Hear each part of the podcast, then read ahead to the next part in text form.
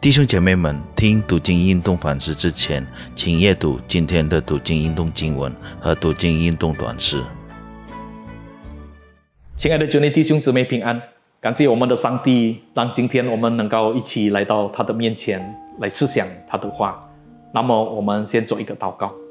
亲爱的天父上帝，感谢您，感谢您让我们今天能够享受神赐给我们新的一天。主，我们要把啊新的一天交在您的手中，我们要把我们的一整天的活动交在神的手中。所以呢，我们需要主你的话语来光照我们的心，来指引我们的道路，让我们能够活在神的真理，让我们能够活在神的里面，让我们都能够来容神。一人，谢谢天父上帝，我们如此的祷告，奉耶稣基督的圣名求，阿明。弟兄姊妹，今天读经运动反思是从米迦书第一章和第二章，希望大家能够把米迦书的第一章、第二章能够念完。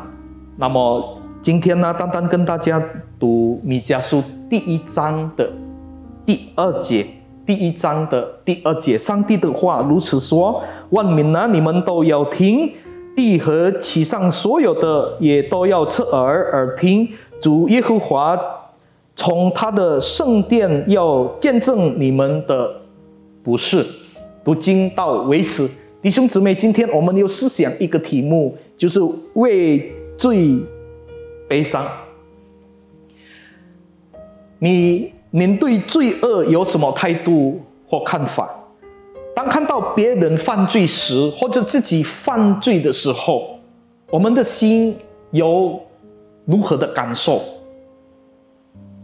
先知米迦为以色列和有大人的罪哀号，第一章第八节，每一位敬虔、敬畏上帝的人，爱上帝的人。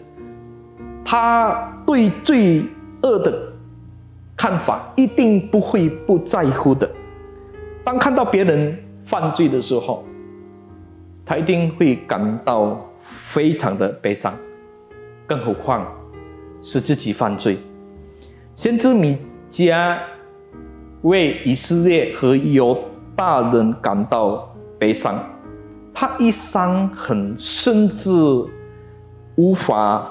医治在第一章第九节呢？为什么他们的罪恶无法的被医治呢？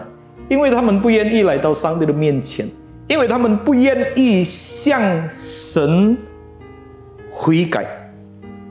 我们知道，唯独我们的上帝，唯独我们的主耶稣基督，求他的饶恕和求他的洁净。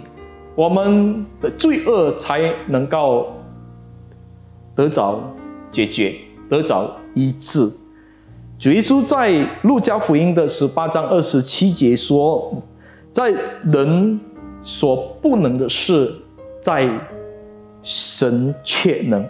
只有我们全心全意信靠我们的主耶稣基督，只有我们全心全意来到。”主的面前，向他恳求，我们才能够经历到罪恶的救赎。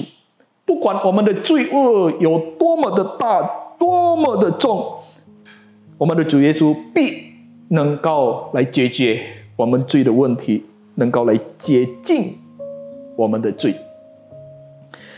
那问题是呢？当我们醒悟到。我们自己的罪，或者当我们醒悟到我们所做的不对，我们有没有为我们所做的感到悲伤？以色列和犹太人没有为他们的罪恶或者他们所做的罪感到悲伤，他们一直活在这个罪中里面。我们从米迦书第一章、第二章，我们都能够看见。那在米迦书第一章第七节呢，他们都击败偶像。第二章第二节呢，他们涂抹了奸恶，并不怕向别人行恶。好可怕。还是一样，第二章第二节呢？他们因手有能力而欺压软弱的人，他们有能力应该要帮助软弱的人，但是在这里记载呢，他们有能力反而欺压软弱的人。第二章第二节呢，他们夺取了别人的田地，并且反误。那反复行恶呢，表示他们没有因他们所做的罪恶感到悲伤，他们不愿意悔改，长久活在这个罪中呢，导致他们的心不再敏锐了。向别人行恶后，他们的心没有感到不安，没有后悔，这是很可怕的。因为什么呢？因为呢，他们觉得。很平常了，他们他们已经对罪恶已经免疫了，哇，这个是很可怕的事情。罪恶变成无法医治他的伤痕，反而越来越严重。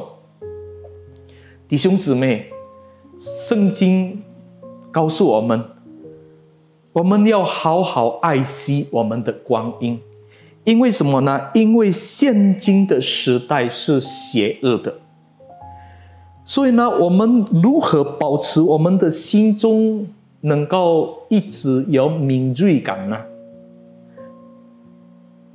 好让我们犯罪的时候，我们有悲伤感。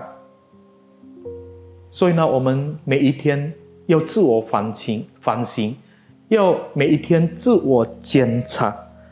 我们要快快的悔改，我们快快的求上帝来帮助我们，我们求主圣灵来帮助和引导我们，让我们都能够一直活在上帝的面前。所以呢，求上帝来帮助我们。给我们力量，让我们能够一直来顺从上帝的命令、上帝的真理。但愿借着我们的生命，我们能够荣耀神的名，成为别人的祝福。上帝赐福大家，我们一起进入祷告。亲爱的天父上帝，感谢您，感谢您主啊，你的话语能够一直来提醒我们。能够一直来教导我们，所以呢，我们求你主啊，让我们做恶事的时候，让我们犯罪的时候，主啊，求你求主圣灵来提醒我们，来帮助我们，让我们能够有呃这个悲伤感，不但有悲伤感呢，我们也要向神求上帝。来怜悯我们，我们要来到上帝的面前，求上帝来饶恕我们，让我们都能够再一次都能够来配得活在神的面前。谢谢你，天父上帝，主啊，我们要把我们的生命，我们要把我们呃的未来的道路都仰望交托在神的面前，求你来带领我们，让我们天天的要自我反省。